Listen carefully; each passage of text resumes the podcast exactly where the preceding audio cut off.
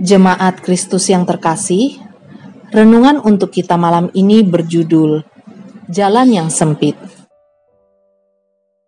Dan bacaan kita diambil dari kitab Lukas 13 ayat 22 sampai 27.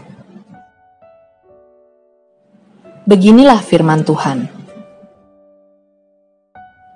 Kemudian Yesus berjalan keliling dari kota ke kota dan dari desa ke desa sambil mengajar dan meneruskan perjalanannya ke Yerusalem. Dan ada seorang yang berkata kepadanya, "Tuhan, sedikit sajakah orang yang diselamatkan?"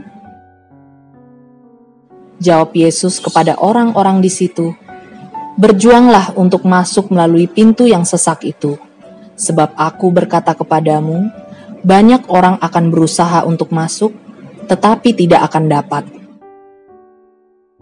Jika tuan rumah telah bangkit dan telah menutup pintu, kamu akan berdiri di luar dan mengetok-ngetok pintu sambil berkata, "Tuan, bukakanlah kami pintu."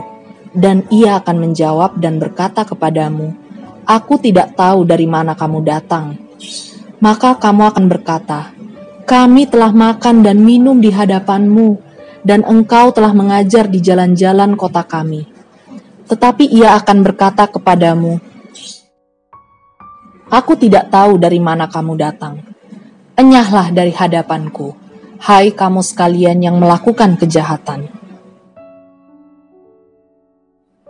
Jalan mana yang kamu pilih? Jalan menuju keselamatan atau jalan menuju kebinasaan? Ada yang mengatakan bahwa jalan menuju keselamatan itu tidak enak dan tidak mudah untuk dikerjakan. Lebih mudah jalan yang menuju kebinasaan untuk dilalui. Apakah benar demikian? Apakah Allah hadir di dunia hanya untuk mempersulit anak-anaknya? Apakah memang Allah memberikan beban yang begitu luar biasa sehingga orang merasa kesulitan untuk berbuat benar di hadapan Allah. Sebenarnya, kalau kita perhatian, tak seperti itu faktanya. Yang membedakan adalah apakah yang kita lakukan benar dan baik, atau sesuatu yang jahat. Ketika melakukan itu, baik yang benar atau jahat, bagaimana sikap dan hati kita, ringankah atau terpaksa memprihatinkan kalau kita merasa berbuat jahat lebih mudah dan ringan daripada berbuat benar. Bukankah itu sesuatu yang berbahaya? Itu berarti nilai yang ada di dalam diri kita adalah tentang kejahatan, bukan kebenaran Allah. Mari kita refleksikan kembali perikop bacaan kita. Allah menutup pintu bukan karena pelit atau ingkar akan janjinya, karena di situ juga disebutkan, orang-orang yang ditolak itu pun juga telah makan dan minum bersama Allah, bahkan telah mendapatkan pengajaran dari Allah. Satu-satunya alasan Allah menutup pintu karena orang-orang itu telah berbuat jahat dan tidak melakukan apa yang benar di hadapan Allah.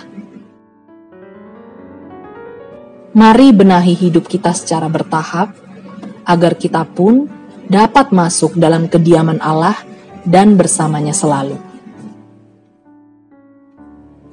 Demikianlah renungan malam ini.